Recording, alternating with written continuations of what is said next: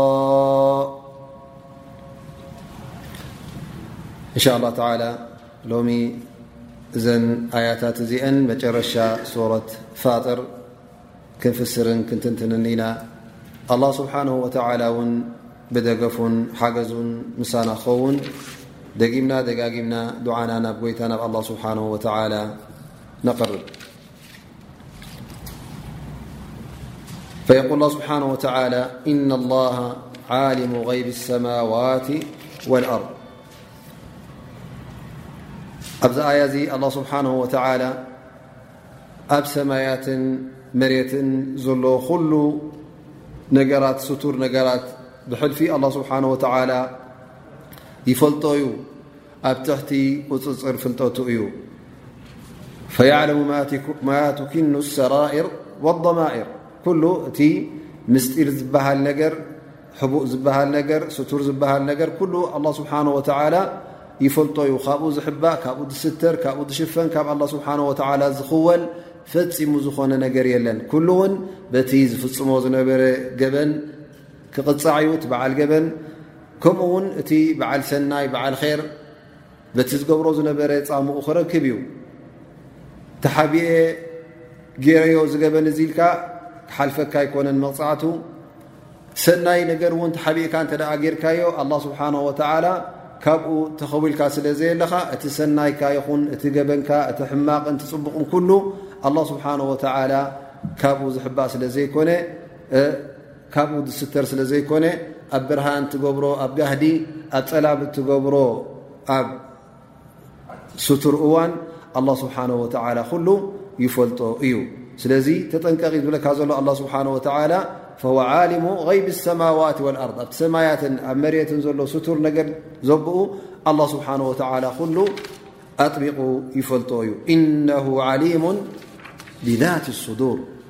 ኣብቲ ውሽጢ ውሽጢ ልቢ ዘሎ ኣላ ስብሓን ወተዓላ ይፈልጦ እዩ እቲ ንያኻ እውን ንምንታይ ትገብሮ ኣለኻ እዚ ነገር እዙ ዝሰናይ እዙ እዚ ፅቡቕ ነገር እዙ ንሊላ ዲኻ ትገብሮ ዘለኻ ወይስ ንኽፍኣት ኢኻ ትገብሮ ዘለኻ ኣላ ስብሓን ወተዓላ ይፈልጦ ማለት እዩ ስለዚ እቲ ኩሉ ትገብሮ ዘለኻ ኣላ ስብሓን ወተዓላ ንምንታይ ከም ዝገበርካዮ መበገሲኡ እንታይ ከም ዝነበረ ይፈልጦ እዩ ምናልባሽ ደቂ ሰባት ክርእዎ ከለዉ እቲ ትገብሮ ዘለኻ ዓመል ሳልሕ ሰናይ እዩ ኢሎም ክምስክሩልካ ይኽእሉ እዮም እዚ ዝገብሮ ዘሎ ስራሕ ናይ ሰብ ጀና ኢሎም ውን ይምስክሩ ላኪን ኣብ መንጎኻን ኣብ መንጎ ኣላ ስብሓን ወተላ እቲ ምስጢር ብጀካኻን ብጀካ ኣላ ስብሓን ወተላ ዘይፈልጦ ነገር እዚ እዚ ነገር እዚ እሶም ዞም ሰባት እዚኦም ኣይፈልጥዎን ላኪን ኣላ ስብሓን ወተላ ስለ ዝፈልጦ እንተ ብሓቂ ሓቂ ብንፅህና ትገብሮ ርካ ንሊላ ኢልካ ትገብሮ እተ ርካ ኮይንካ ኣጆኻ ኣላ ስብሓን ወተላ ፃማኻ ክፈድየካ እዩ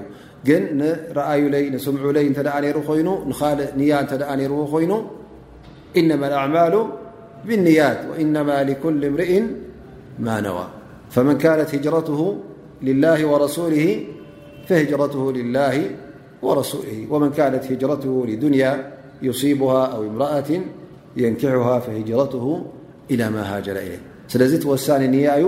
እቲ ንያኻ ድማ ብቐንዱ ኣብ መልሓስካ እትብሎ ኣይኮነን እንታይ ደኣ ኣብቲ ውሽጢ ልብኻ ኣብኡ ዩ ዝርከብ ማለት እዩ ثማ ኣላ ስብሓን ወተላ ንሱ ነዚ ወዲ ሰብ እዚ ኮለፋ ገይሩና ማለት እዩ ኮለፋ ክበሃል እንከሎ ከዓ ወ ለذ ጀዓለኩም ኸላኢፈ ፊ ልኣር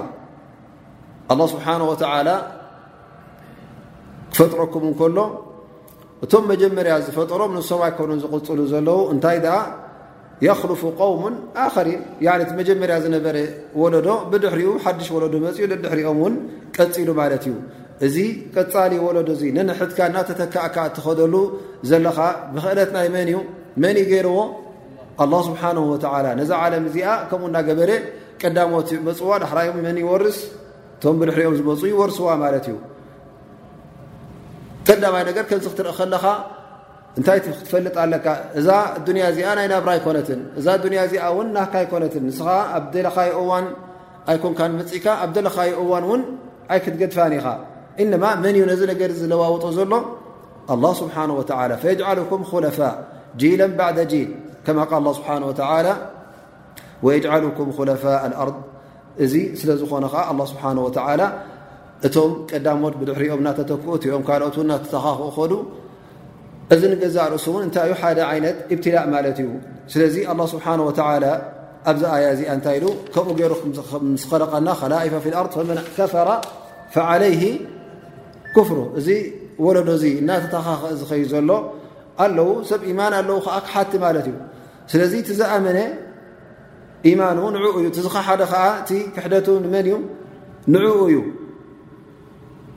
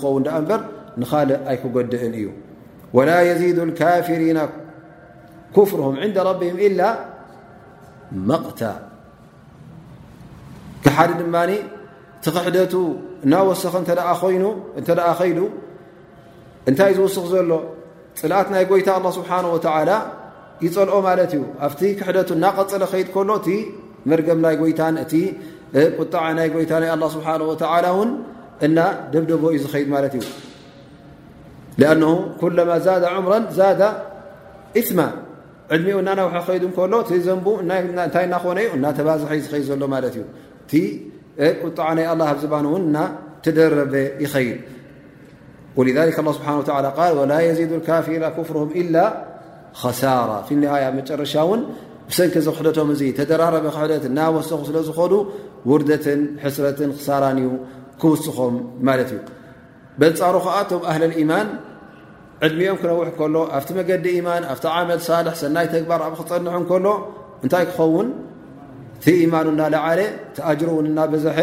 ይኸይድ ማለት እዩ ስለዚ ምን ጣላ ዑሙር ሓሱን ዓመል እዚ ኣበይ ይርከብ ማለት እዩ እዚ ር ተዓቢ ር ተሰዕቢ ሰናይ ማለት እዩ ደረጃ ናቱ ክብ ክብል እዩ መንዚላ ናቱ ቦታ ናቱ ኣብቲ ናይ ጀና እውን ዘለዓለ ደረጃ ይኸውን ማለት እዩ ፈከማ ኣነካፍር እቲ ካሓዱ እቲ ካሓዲ ብሰንኪ ዘንቡ እቲ ውጥቀት ናቱ እቲ ኸሳራ ናቱ ኣብቲ ጀሃንም እናወሰኸ ዝኸይድ ከምኡውን እቲ በዓል ኢማን ቲ ኢማኑ እንተ ኣብ ቐፂሉ ሰናይ ተግባር ይፍፅም እተ ኣሎ ኮይኑ እቲ ኣጅሪ ናቱ እናበዝሐን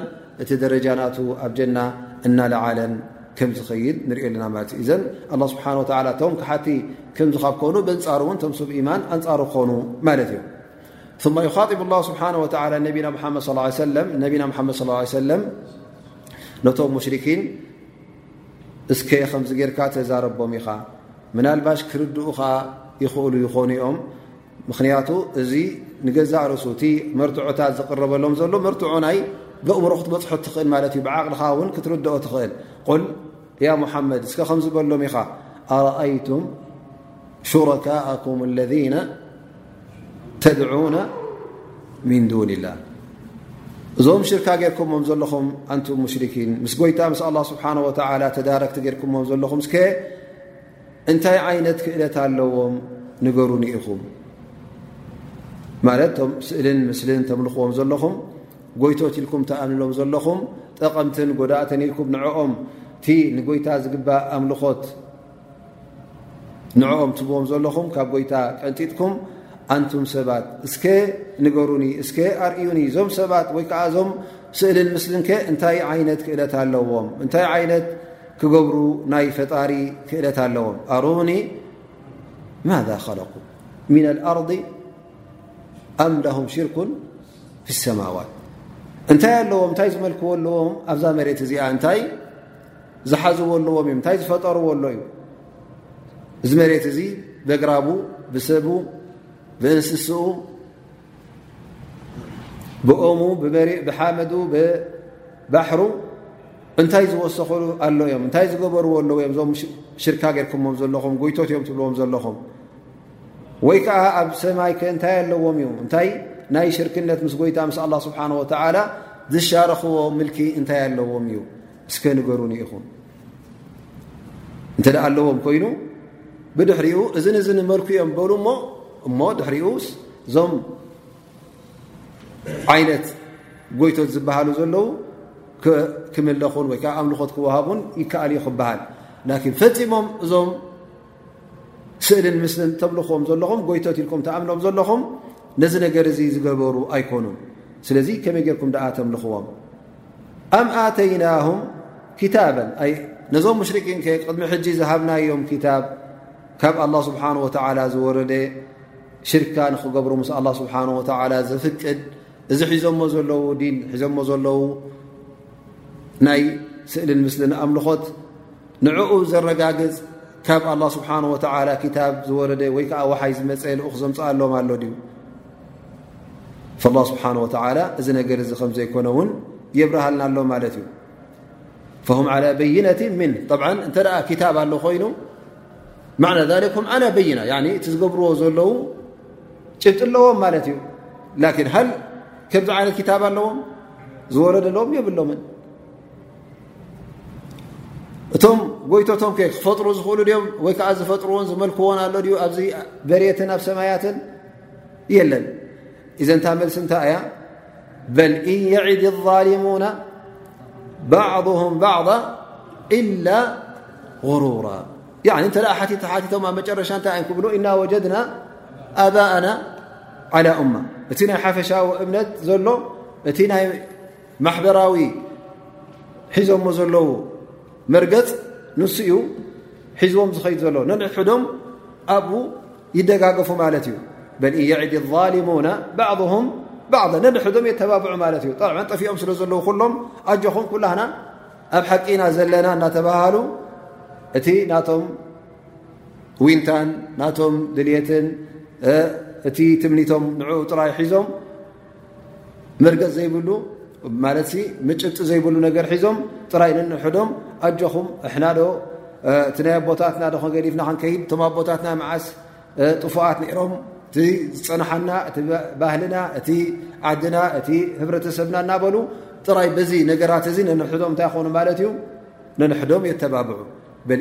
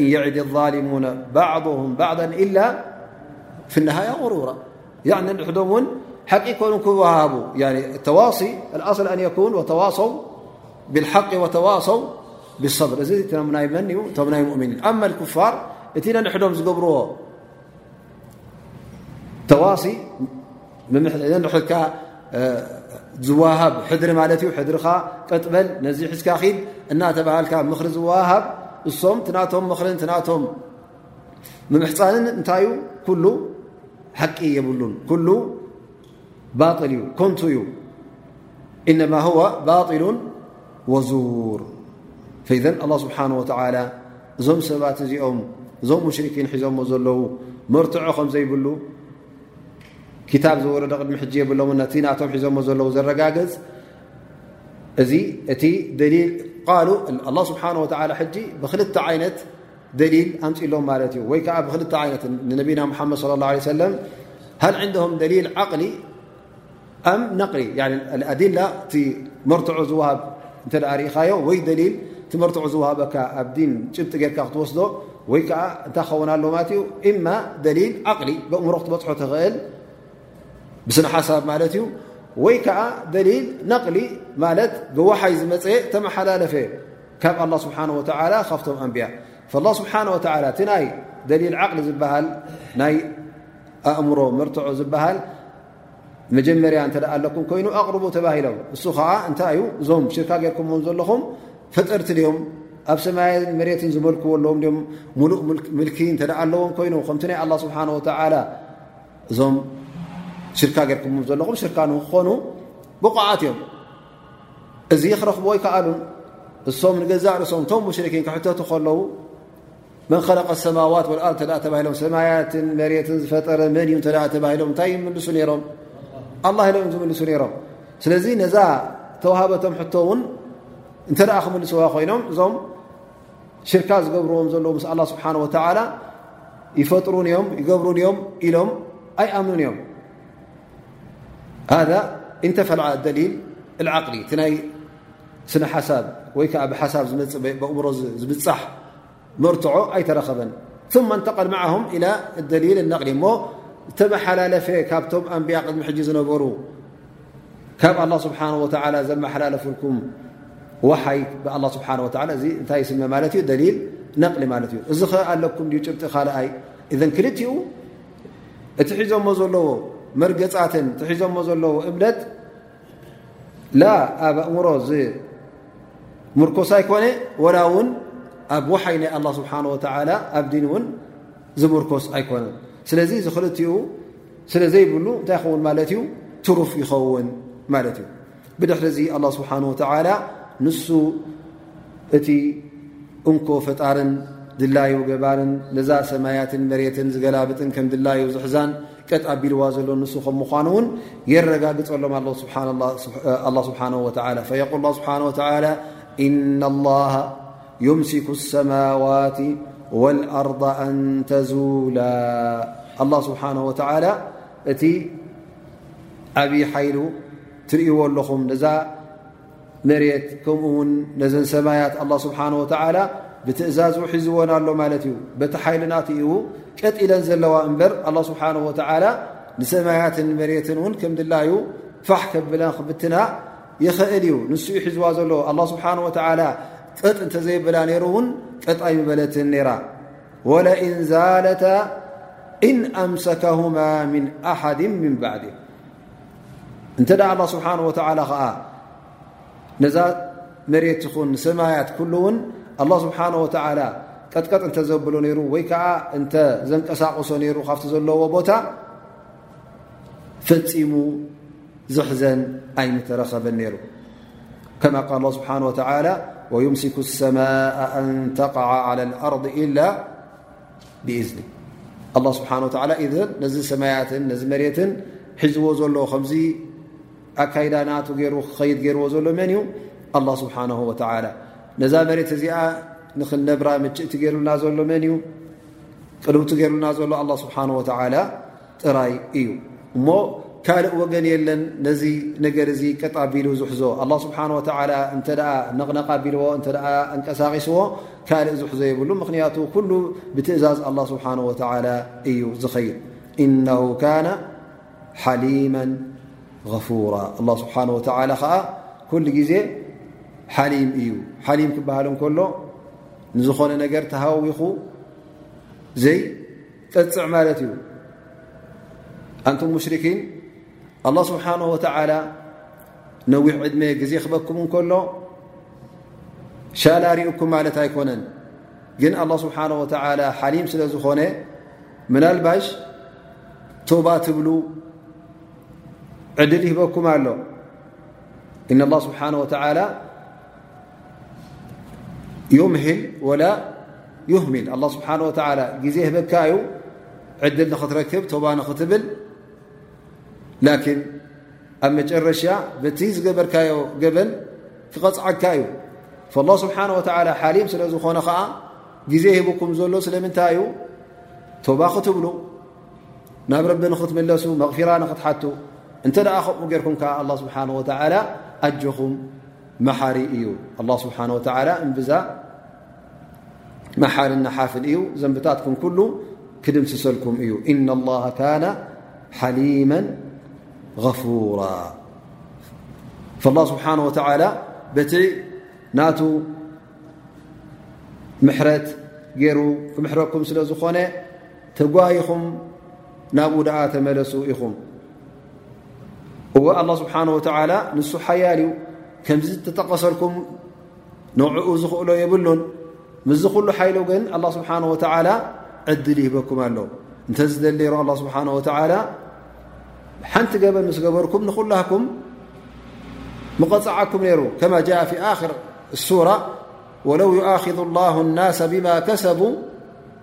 ማ ተረከ ዓላ ظህርሃ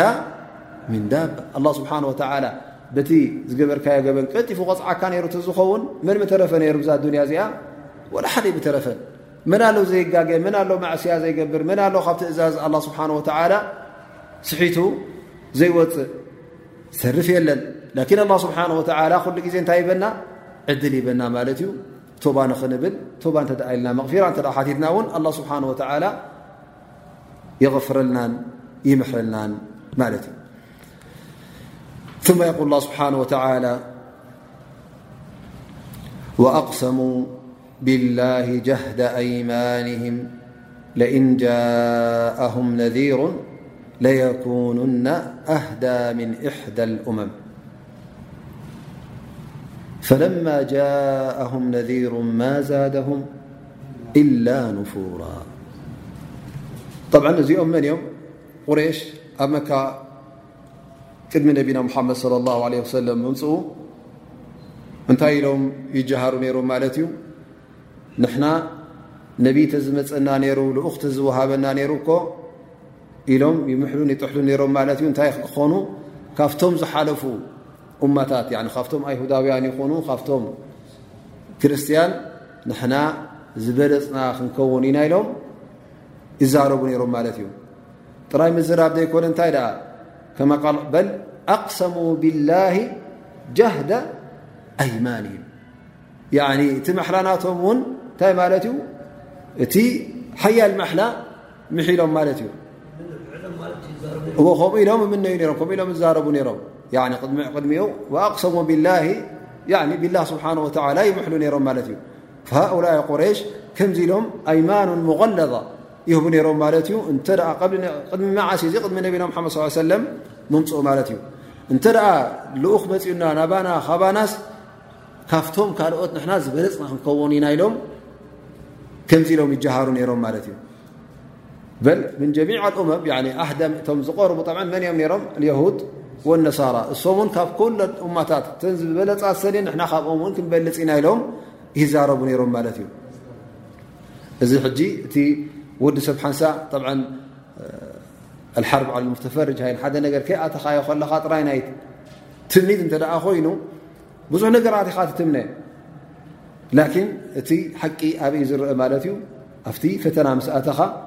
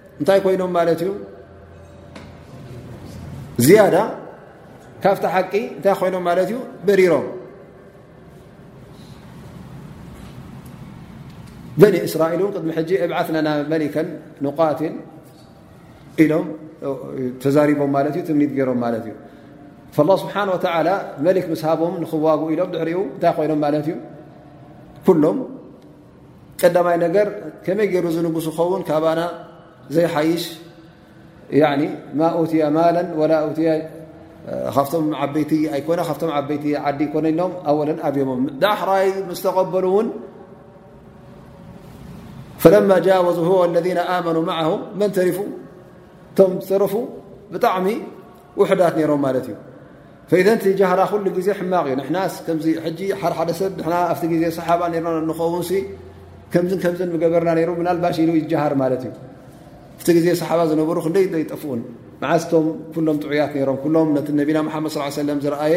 መዓስ ኩሉ ኣቢሉ ላኪን ኣልሓምዱላ ኢልካ እቲ ኣላ ስብሓን ወተላ ዝሃበካ ኢማን ንዕኡ ኣልሓምዱላ ክትብል ኣለካ ካብ ኣላ ስብሓን ወተላ እውን ህዳያ ክትጠልብ ኣለካ ኣብቲ ሒዝካዮ ዘለካ ኢማን እውን ኣላ ስብሓን ወተላ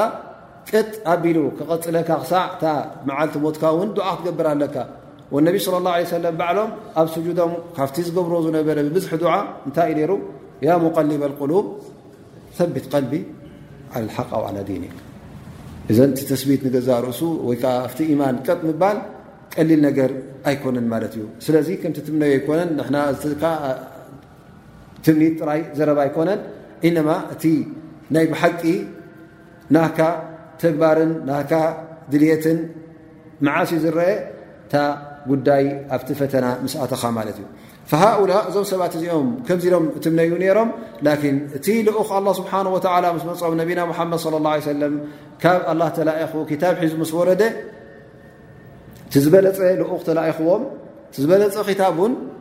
ተዋሂቦም ካብቶም ቀዳሞት ካብቶም በኒ እስራኤል ካብቶም ኣይሁዳውያን ካብቶም ናይ ክርስትና ዝነበሮም ካብቶም ካልእ እማታት እውን ዝበለፀ ዲን ዝበለፀ ክታብ ወሪድዎም ላኪን ሃ ኣምር ማዛደሁም ኢላ ንፉራ ኣብ ክንዲ ተጓይዮም ናብኡ ዝኣት ካብኡ ክሃድሙ ካብኡ ክጎዩ ተራእዮም ማት ዩ ተረኺቦም ማለት እዩ ፈማ ዛድም ኢላ ኩፍረ ዓላ ኩፍርህም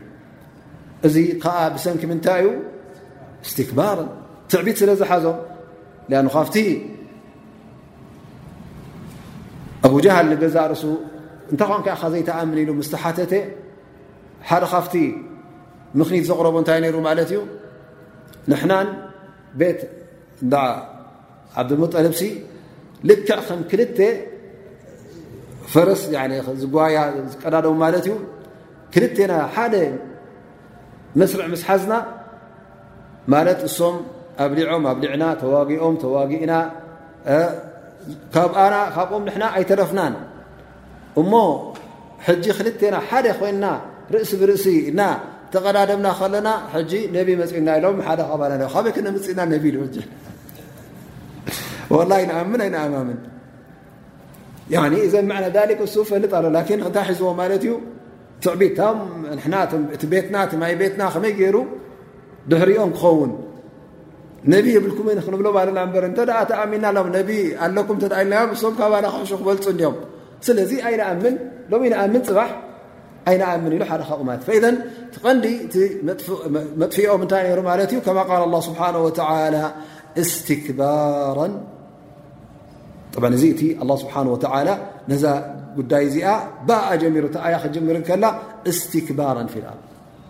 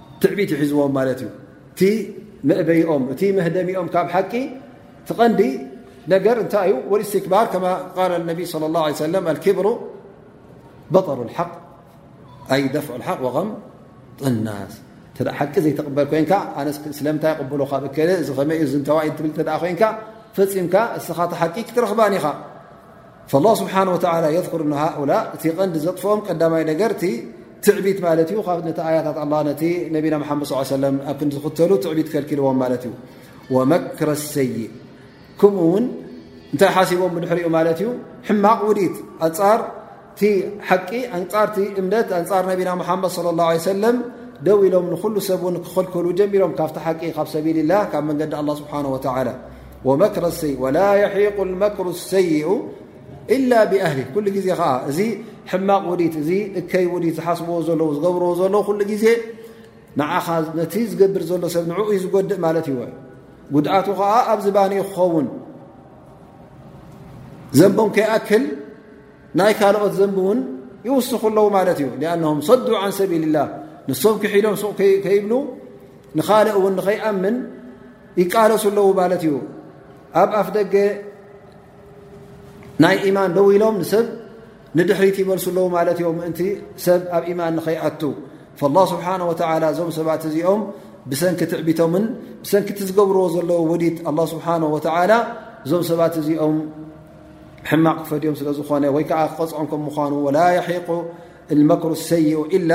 ብኣህሊ ይብሎም ማለት እዩ ስብሓን ወተላ ከምኡ እናበለ ኸዓ በብንታይ የጠንቅቖም ኣሎ ማለት እዩ በቲ ናቱ መቕፃዕቲ ቅድሚ ሕጂ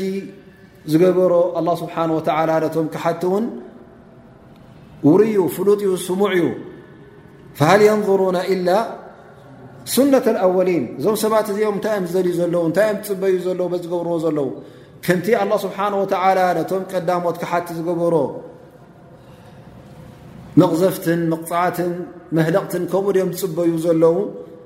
ኣን ላ ስብሓን ወተላ ኩሉ ግዜ ነቶም ኣንፃር ኣንብያ ደው ዝበሉ ኣንፃርቶም ሳልሒን ዝተቓለሱ ናይ ኣላ ስብሓን ወተላ ክታብትን ዝነፀጉ ኣላ ስብሓን ወተላ እዎ ግዜ ህቦም ነይሩ ላኪን ኣብ መጨረሻ እንታይ ገብሮም ነይሩ ማለት እዩ ተኣ ኣብዮም እንተ ቀፂሎም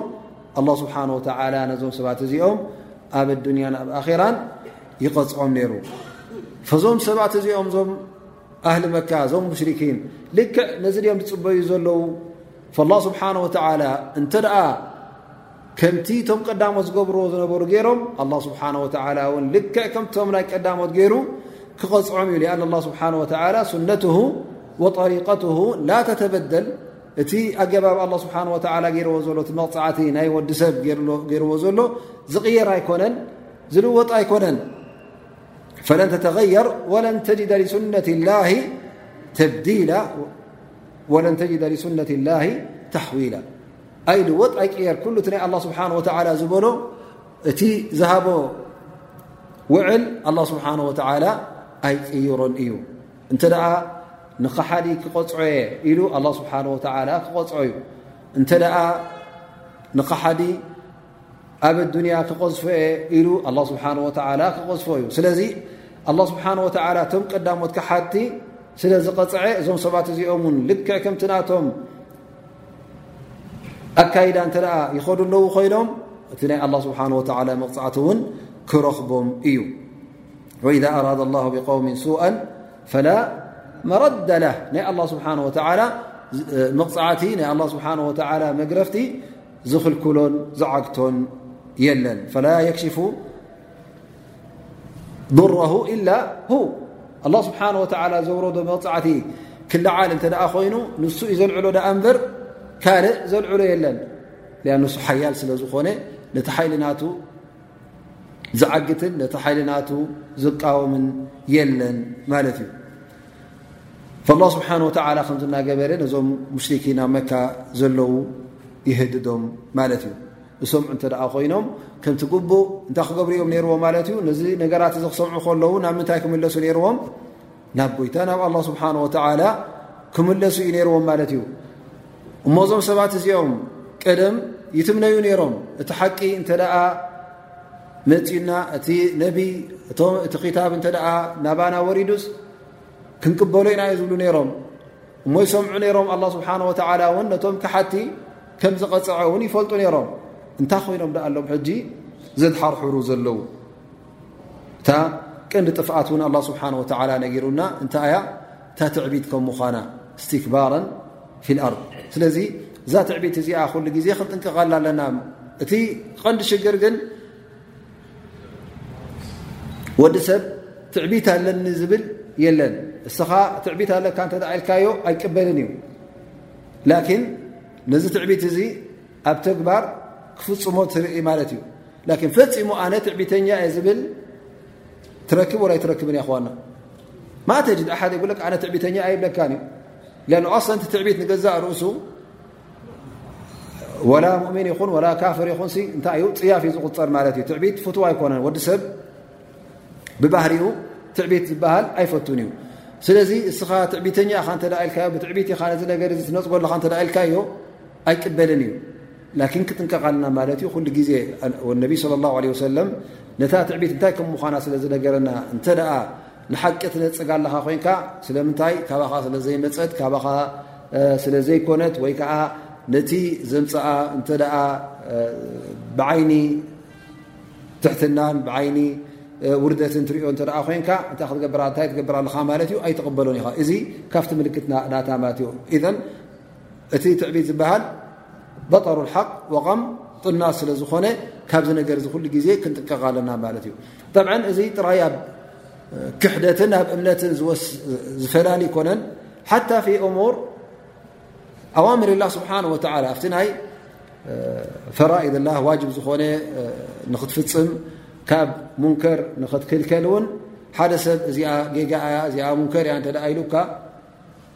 እስኻ ኣብ ክሕደት ኣይበፃሕካን ላኪን ብሰንኪ ትዕቢት እውን ነዚ ነገራት እዚ እውን ትነፅጎ ኢኻ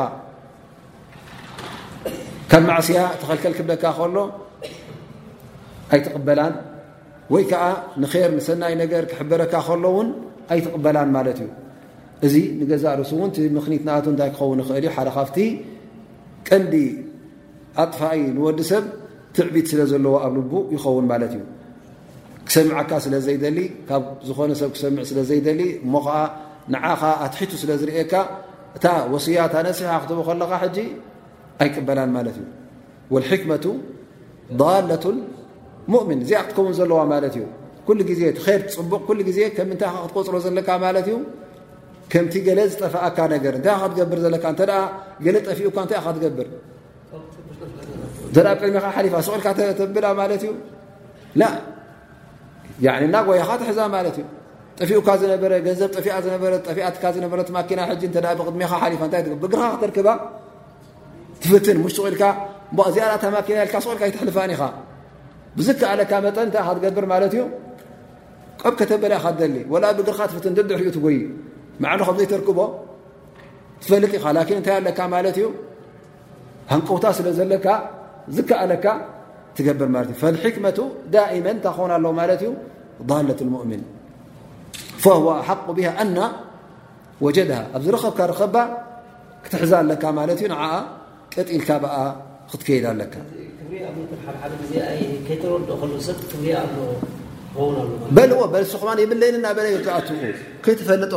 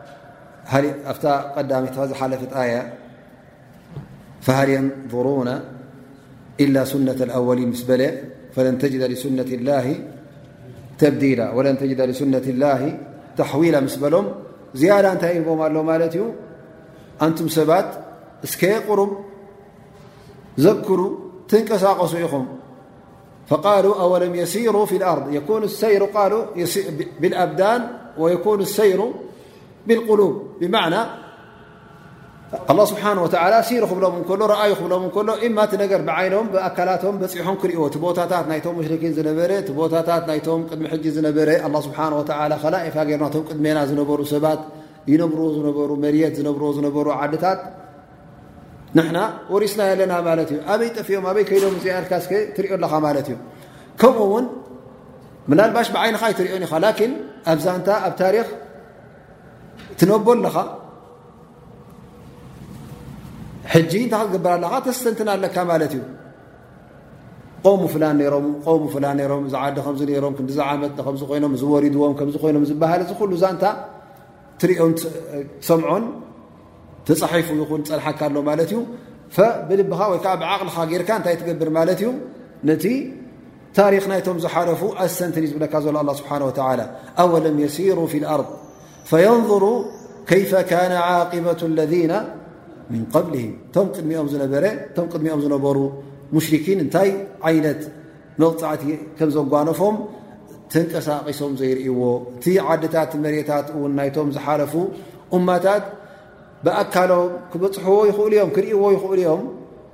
ካብኦም ዝሕይሉን ካብኦም ዝዕንትሩን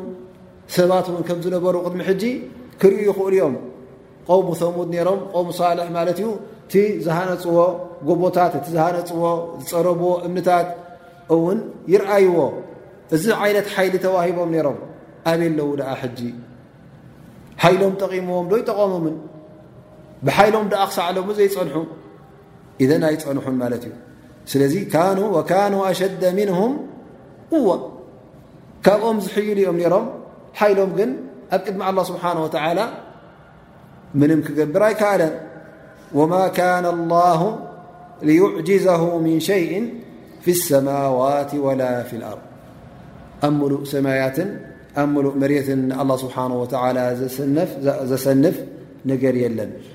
ሰብ ይኹን ካልእ ዓይነት ፍጡር ፈፂሙ ንጎይታ ን ኣላ ስብሓን ወተላ ዘሰልፍሲ ኣይክህሉን እዩ ስለዚ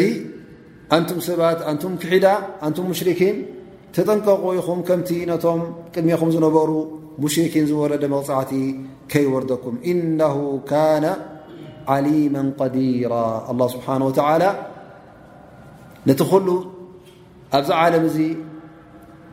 ዝካየድ ኩሉ ኣብዚ ዓለም እዚ ዝርከብ ቶም ሰብ ኢማን ቶም ካሓቲ ኩሎም ኣላ ስብሓን ወተዓላ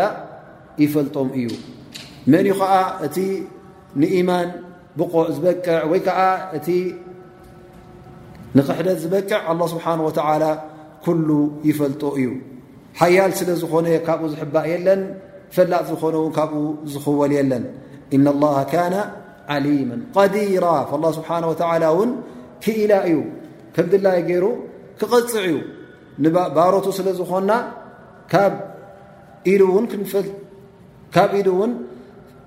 ፈንከት ኢልና ክንወፅእ ኣይንኽእልን ኢና ክንሃድም እውን ኣይንኽእልን ኢና ስለዚ ንጠንቀቕ ኢና ኣላ ስብሓን ወላ በዚ ገይሩ የጠንቅቐና ኣሎ ማለት እዩ ፈዓሊሙ ብጀሚዕ ልካኢናት ኩሉ ብዛ ዓለም ዘሎ ኣላ ስብሓን ወተዓላ ይፈልጦ እዩ እንታይ ይግበር ኣሎ እንታይ ይግበር የለን ከምኡ ውን ኣላ ስብሓን ወተዓላ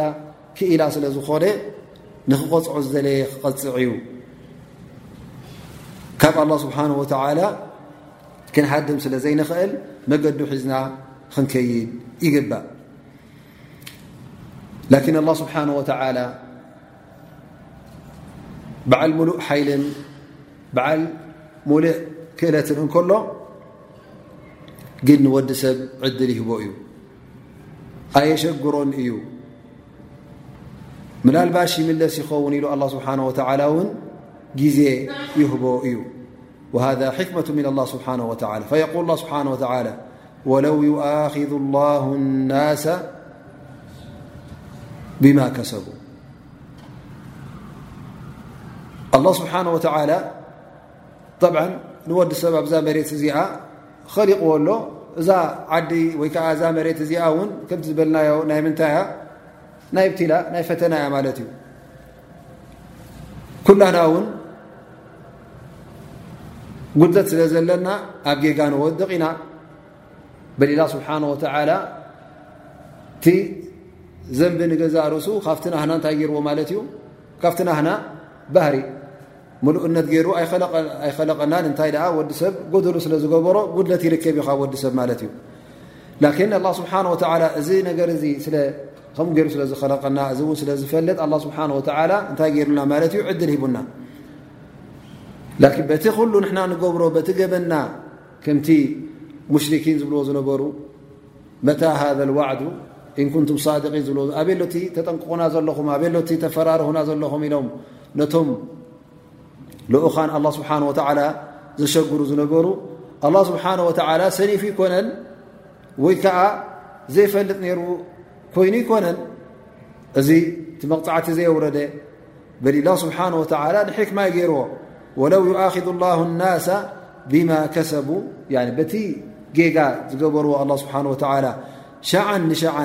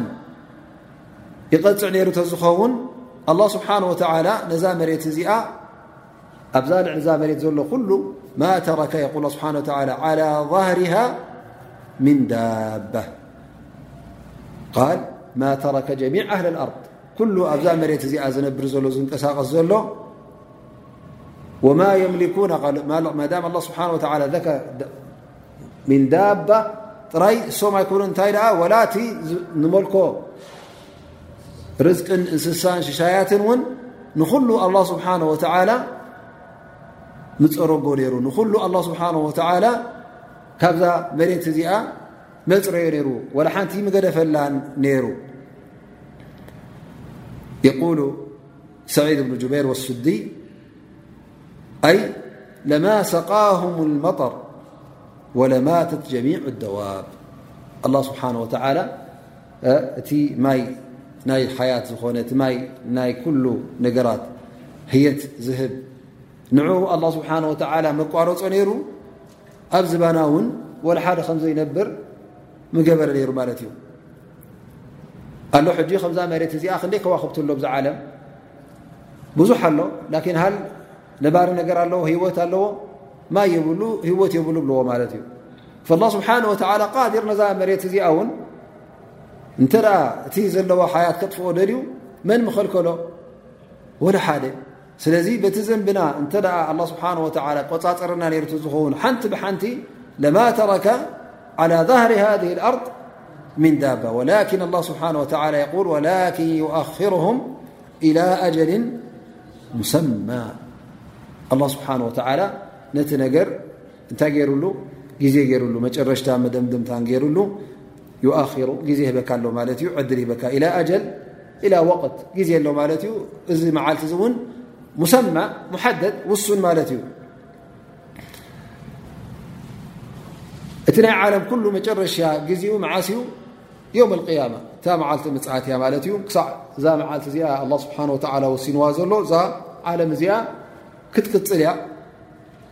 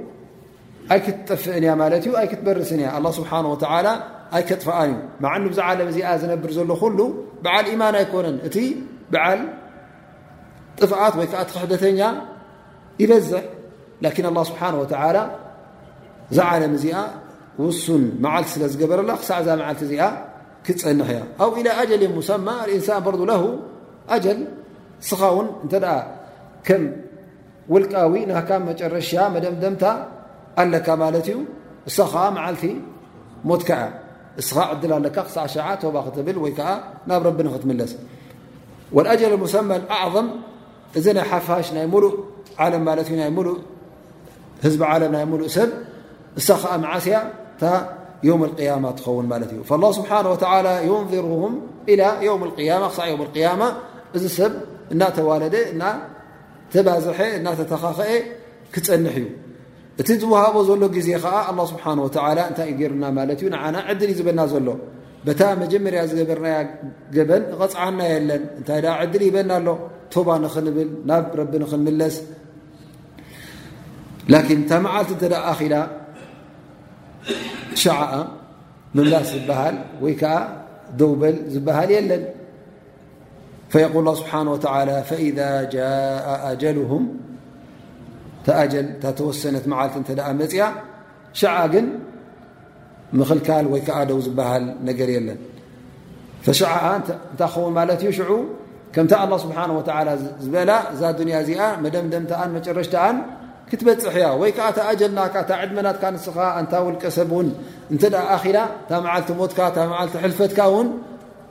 ብድሕሪኣ ክትቅፅል ኣይትኽእልን ኢኻ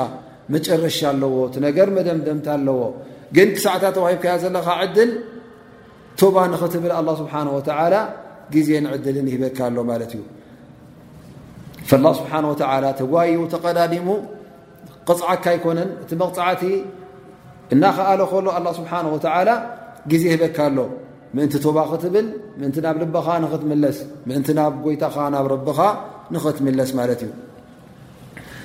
ፈኢና ላሃ ካነ ብዕባድ በሲራ ኣላ ስብሓን ወተላ ኣብ ዮም ልቅያማ ንኹሉ ክሓስቦ እዩ ንኹሉ ፀብፃብ ክገብረሉ እዩ ኣላ ስብሓን ወተላ ንባሮት ኩሎም ይፈልጦም እዩ መን እዩ እቲ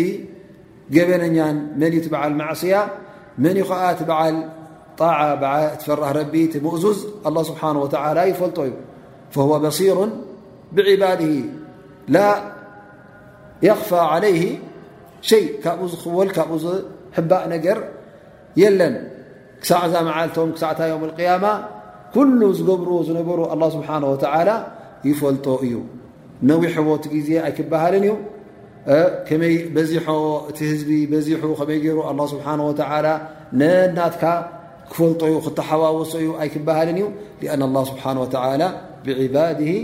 በሲር እቶም ባሮቱ ኩሎም ናቱ ባሮት ናቱ ፍጡራት ስለ ዝኾኑ ነናቶም ተግባራት ኣላ ስብሓን ወተላ ይፈልጦ እዩ እቶም ኣህል ማዕስያ መን እዮም እንታይ ገብሩ ነይሮም ኣላ ስብሓን ወተላ ኩሉ ይፈልጦ እዩ ናቶም ካብኡ ዝኽወል ካብኡ እውን ዝሕባእ የለን ኢዘን እንታ ክትገብር ኣለካ እንታ ወዲ ሰብ ናብ ጎይታኻ ክትምለስ ኣለካ መገዲ ጥፍኣት ሒዝካ እተ ኣለካ ኮይንካ ካብዚ መገዲ ጥፍኣት ተላቐቕ ኢኻ ናብቲ መገዲ ሓቂን መገዲ ኸይርን ናብኡ ደኣ ኣድህብ ናብኡ ደኣ ተመለስ ኢኻ ኣን ኣላ ስብሓን ወተላ እንተዘይቀፅዓካ ኣብዛ ኣዱንያ እዚኣ ገለ ዕንቅፋት እንተዘይረኣኻ ኣነስ ጎይታ ትሒዘዮ ዘለኹ ፈትዎ እዩ ወይ ከዓ እቲ ዘለኹዎ ኣነባብራ ደስ ኢልዎ ኢልካ ኣይትተዓሾ ኢኻ እዛ ኣዱንያ እዚኣ እንተ ደኣ ረኺብካ ኣለኻ ኮይንካ ኣላ ስብሓን ወተዓላ እዛ ኣዱንያ እዚኣ ንሙእሚንን ንዘይሙእሚን ንካፍርን ንኩሉ እዩ ዝህባ ማለት እዩ እዘን ምልክት ናይ ኸይርያ ወይ ከዓ ናይ ብልፀት ኣይኮነን ኣብዛ ዱንያ እዚኣ ጥዕና ክትረክብ ከለኻ ማል ክትረክብ ሽሻይ ክትረክብ ከለኻ ኣላ ስብሓን ወተላ ፈትዩካን ረድዩልካን ማለት ኣይኮነን ምክንያቱ እቲ ርዝቂ ናይ ኣዱንያ ንኩሉ ይኹቡ ኣላ ስብሓን ወተላ ብራሕመት ነቶም ሰብ ኢማን ይህቦም ነቶም ክሓቲ እውን ይህቦም ማለት እዩ ላኪን ፍሉይ ሽሻይን ርዝቅን ኣየናዩ እቲ ናይ ኣራት ናይ ዮም ያማ ስለዚ ንዕኡ ኣ ንክትረክብ ተቓለስ እዛ ዱንያ እዚኣ ኣይተታልልካ እዛ ዱንያ እዚኣ ውን ኣይተዐሹኻ ስለዚ ኣብቲ መገዲ ኣ ፅናሕ እዩ ዝብለካ ዘሎ ኣላ ስብሓን ወተላ